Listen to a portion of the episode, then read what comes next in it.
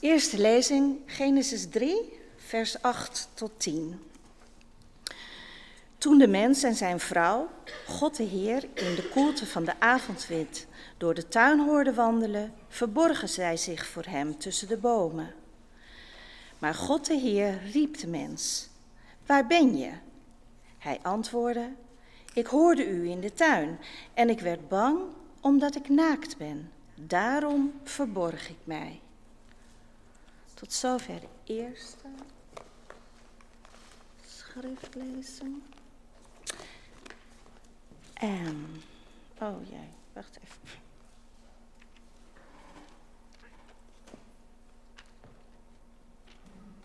Ik heb hem.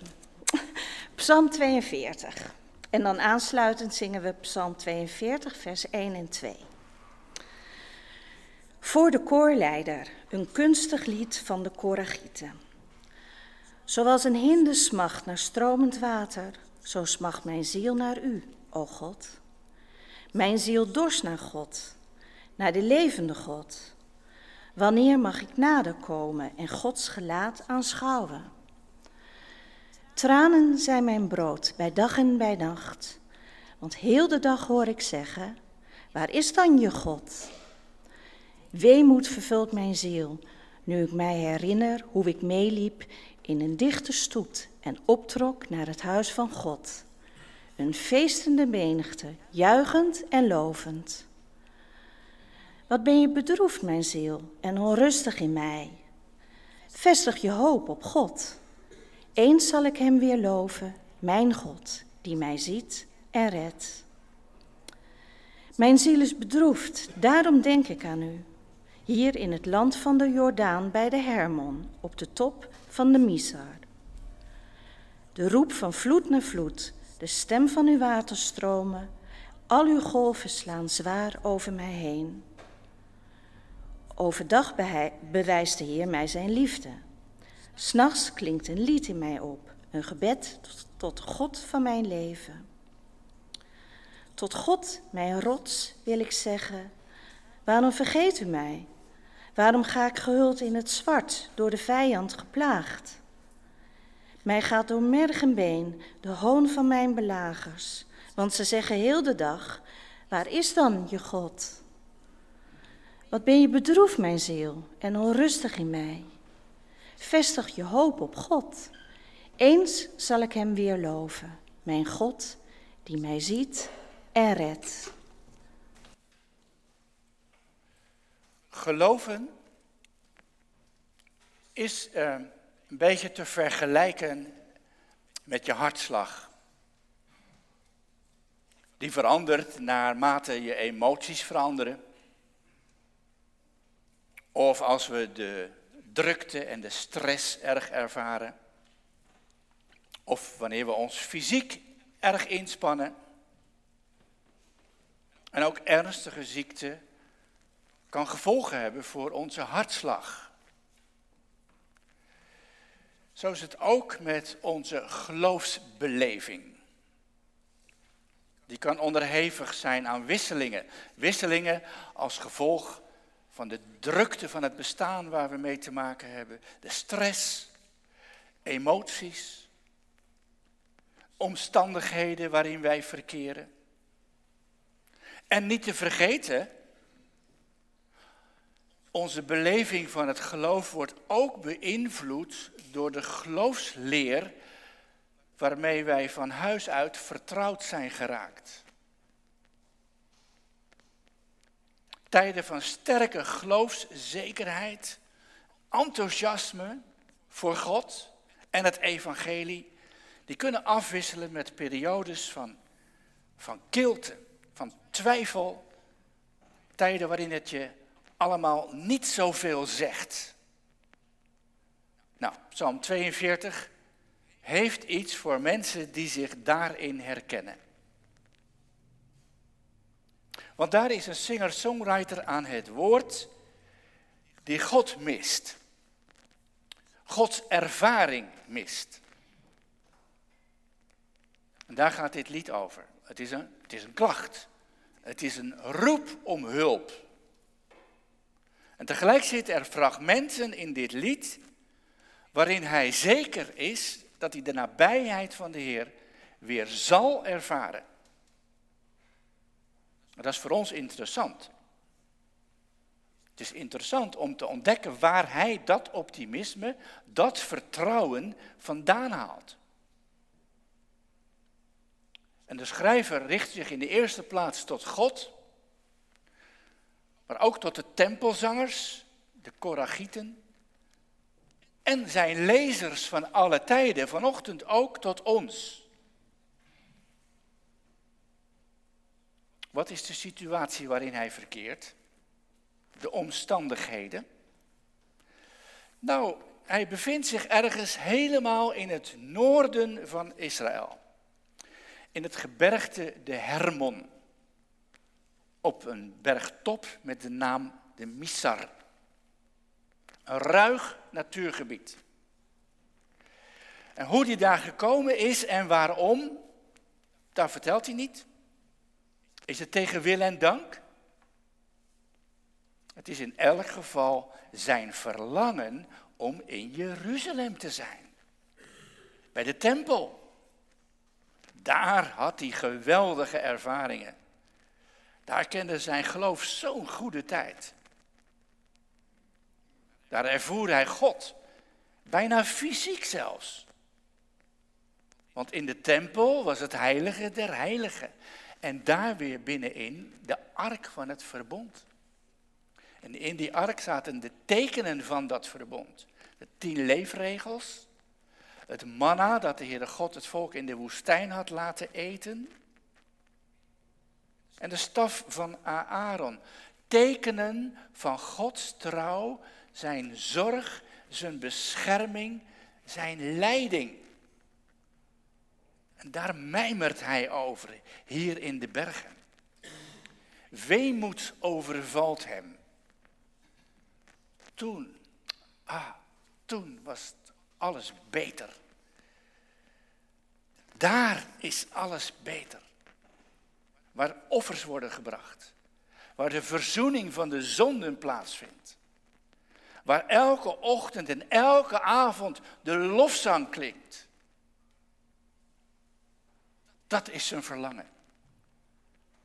Ah, weer samen, samen met de andere gelovigen zijn. Het was één feestende menigte, zegt hij, die optrok naar het huis van God. Geweldig, geweldig. Maar ja, daar is hij nu ver van verwijderd. Letterlijk en figuurlijk. Ja, ook figuurlijk. Het is zelfs de vraag of de schrijver zich echt in Noord-Israël bevindt. Of dat hij die afstand naar de tempel en alles wat hij daar ervaren heeft, gebruikt als een metafoor. Dat ver verwijderd zijn als een beeld om uitdrukking te geven aan de kille tijd die hij nu beleeft in zijn geloof.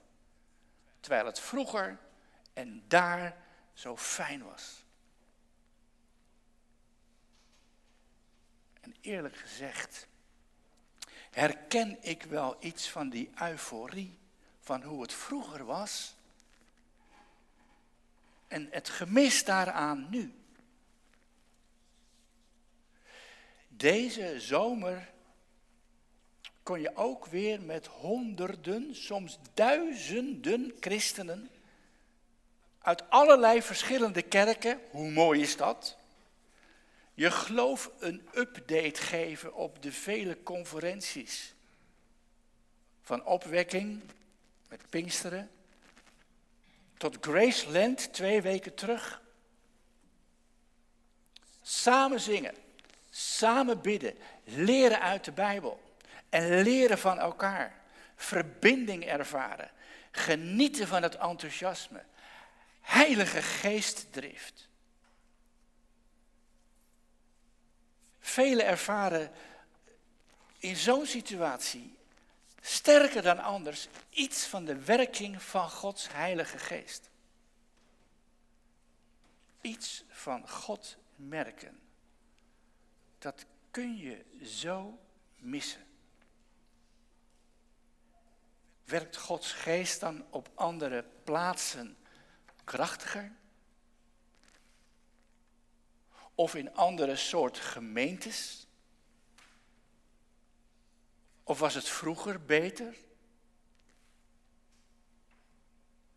Wat kun je vandaag verlangen om de nabijheid van God te ervaren?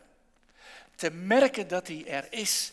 Vooral bij jongeren leeft dat verlangen sterk. Want die, die zoeken sowieso naar echtheid, naar authenticiteit. En waarom? Waarom? Nou, je kunt twijfelen aan het bestaan van God. Is Hij niet een projectie van onze eigen geest? Door onszelf bedacht? Is Hij er wel echt? God laat iets van u merken. Je kunt onzeker zijn of je wel goed genoeg gelooft en leeft. Of de genade en de hemel er ook wel voor jou zijn. Of de Bijbel wel klopt. God, is dat echt een boek van u? Of je wilt hem ervaren omdat je belangrijke keuzes moet maken. En je bidt om raad, om wijsheid. Want je hebt hem nodig. En ja, als hij liefde is, wil je dat ook graag merken. De schrijver doet het voorkomen alsof die vraag waar God is, hem door anderen wordt gesteld. En ja, ja, mensen kunnen ons bevragen op wat wij geloven en dan tegelijk wijzen op het lijden dat gelovigen soms ondergaan moeten. Of op het lijden dat zich in de wereld afspeelt. Waar is God dan? vragen ze. Waar is hij dan?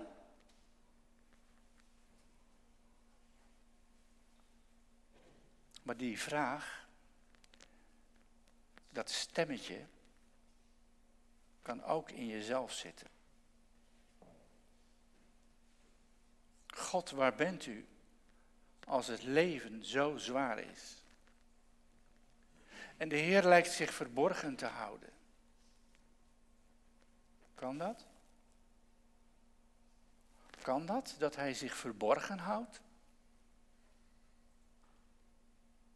Dat zijn geest zich stilhoudt in ons? Nou, we komen dat in de Bijbel wel tegen. Bijvoorbeeld in tijden dat de Israëlieten zich niet meer houden aan zijn leefregels. Niet omzien naar elkaar, maar puur voor zichzelf leven. Als macht en bezit goden zijn die het meest worden vereerd. Het is een verleiding van alle tijden en alle plaatsen. Maar de Heer accepteert dat niet van zijn volk. En hij accepteert dat nog steeds niet van zijn eigen kinderen. Dat streven naar macht en naar grenzeloze bezitsuitbreiding. En waar Gods leefregels genegeerd worden, ja, dat trekt de Heer zich op den duur terug. Soms pas na heel veel waarschuwingen, maar dan toch. Dan lees je in de Bijbel bijvoorbeeld dat het woord van de Heer schaars was in die dagen.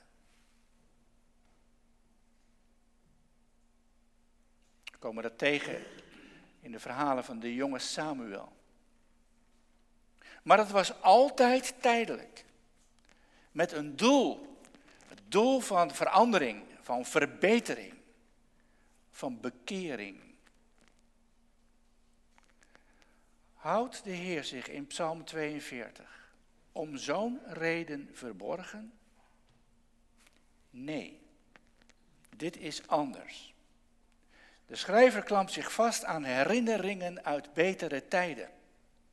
Toen en daar heeft hij het hart van God ervaren, zijn nabijheid gekend, uit volle borst de lofliederen meegezongen. En dat raakt hij nooit meer kwijt en dat wil hij ook niet kwijt. Want daarop leunt zijn optimisme voor de toekomst, waarin hij de vreugde van het geloof weer zal beleven. Ervaringen uit het verleden zijn voor hem wel degelijk een garantie voor de toekomst. Maar nu, op de Hermon, slaan de waterstromen als golven over hem heen. Weer beeldspraak. Het geweld van de golven en vaak ook van de zee staat voor het grote onheil wat mensen kan overkomen.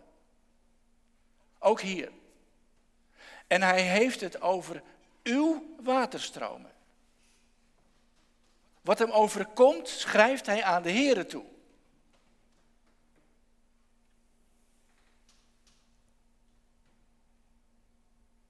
Kan dat?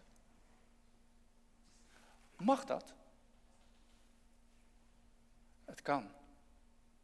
De Heer kan ons geloof op de proef stellen. Daar kan hij een verborgen reden voor hebben.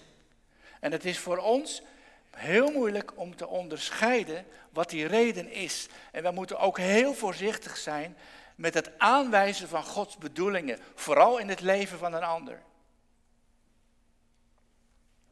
Daar zijn al grote fouten mee gemaakt en mensen mee beschadigd.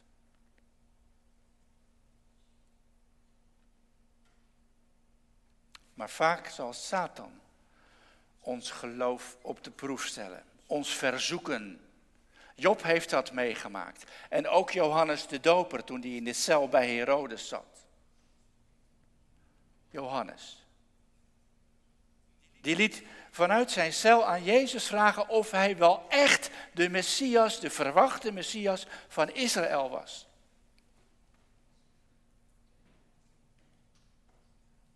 Terwijl die nota bene Jezus zelf als zodanig had aangewezen bij de doop in de Jordaan. En nu, in die bij Herodes, twijfelt hij. En waarom? Omdat hij van Jezus niet ervoer wat hij verwachtte. Dit thema kom je trouwens in meerdere psalmen tegen. Twijfel na eerdere, betere tijden gekend te hebben. Betere tijden, waarvan onze schrijver overtuigd is dat die weer zullen komen. Hij weet het. Zo kent hij God. Zo is God.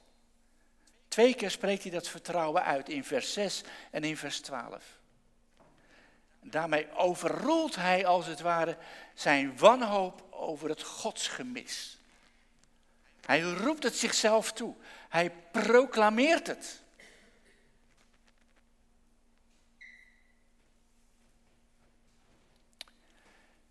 Even terzijde. Satan probeerde ook bij Jezus twijfel te zaaien aan de woorden van God en de beloften van God. Net gedoopt heeft Jezus de Heilige Geest in de vorm van een duif op zich zien neerdalen. En hij heeft de stem van God horen zeggen, dit is mijn geliefde zoon in wie ik mijn vreugde vind. En daarna werd hij door de Heilige Geest de woestijn ingeleid om te worden verzocht. O, zei Satan, o Jezus, als dat echt zo is, als jij echt Gods zoon bent, maak dan van die stenen eens brood. Spring dan eens van het tempeldak. Kniel dan eens voor mij. Met die verzoeking kwam Jezus' missie in gevaar. Als hij zou gaan twijfelen aan zijn status, aan zijn wezen, aan zijn opdracht als Gods zoon. Jezus, als het echt waar is, als God, als het echt waar is dat ik uw geliefde kind mag zijn. Als je daaraan twijfelt, kijk dan naar wat Jezus deed. Hij pareert die verzoeking van Satan om te twijfelen door de woorden van God aan te halen. Nee, Satan, want er staat geschreven. Vasthouden aan de woorden van God. Zijn beloften zijn ook voor u, voor jou, voor mij. Vasthouden aan wat de Heer van je zegt.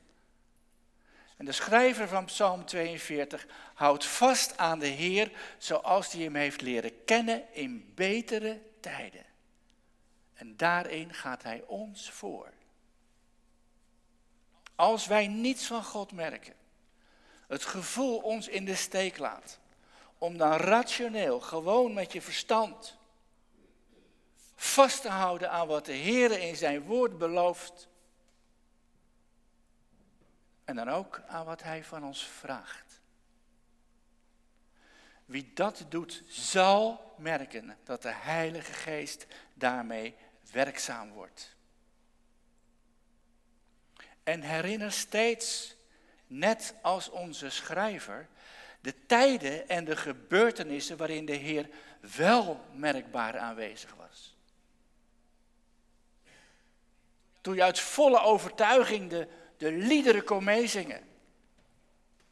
Toen je met passie kon bidden.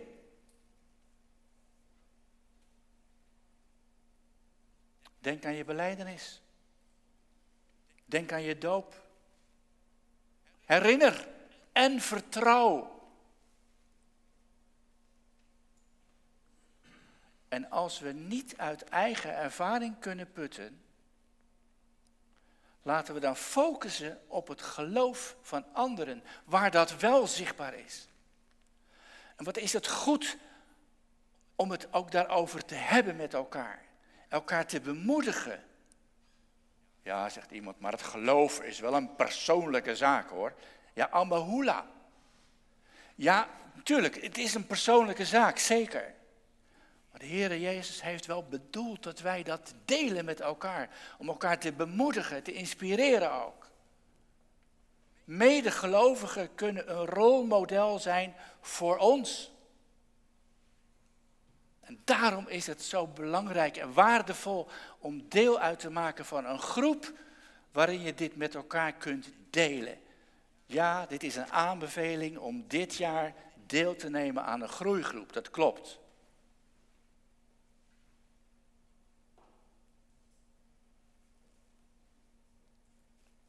In vers 10 staat zo op het eerste gezicht iets heel ongerijmds.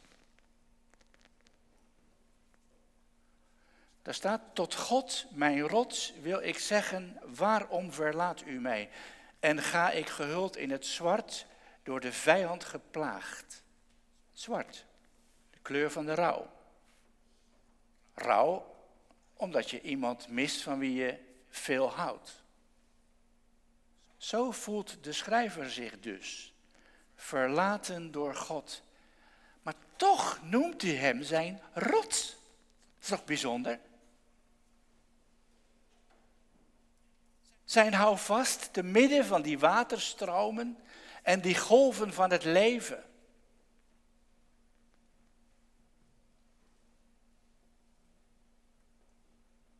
Dat lijkt toch zo dubbel, maar toch ook heel mooi. Toch? Als alles je ontvalt, als de nood hoog is en God lijkt er niet te zijn, als de Heilige Geest alleen in anderen werkzaam lijkt te zijn, dan toch kunnen zeggen, mijn rots. Dat is tegen alles in je vertrouwen durven stellen op de Heer, op Zijn leiding in je leven. Ook al zie je het nu niet, ook al merk je het nu niet. Nog één dingetje. Satan kan ons verzoeken. De Heer kan zich verborgen houden. Maar vaker, veel vaker, is het andersom. Dan verbergen wij ons voor God. Dat begon al in het paradijs. Daar was het dat de mens voor het eerst de boodschap van God negeerde en zich door de duivel liet influisteren om Gods woorden te wantrouwen. Als je van die boom eet, zul je niet sterven. Nee hoor, dan zul je als God zijn. Wauw, als God zijn. Dat is hoogmoed. Streven naar macht, naar autonomie. Zelf uitmaken wat goed is en wat niet. En dat speelt ons nog steeds parten.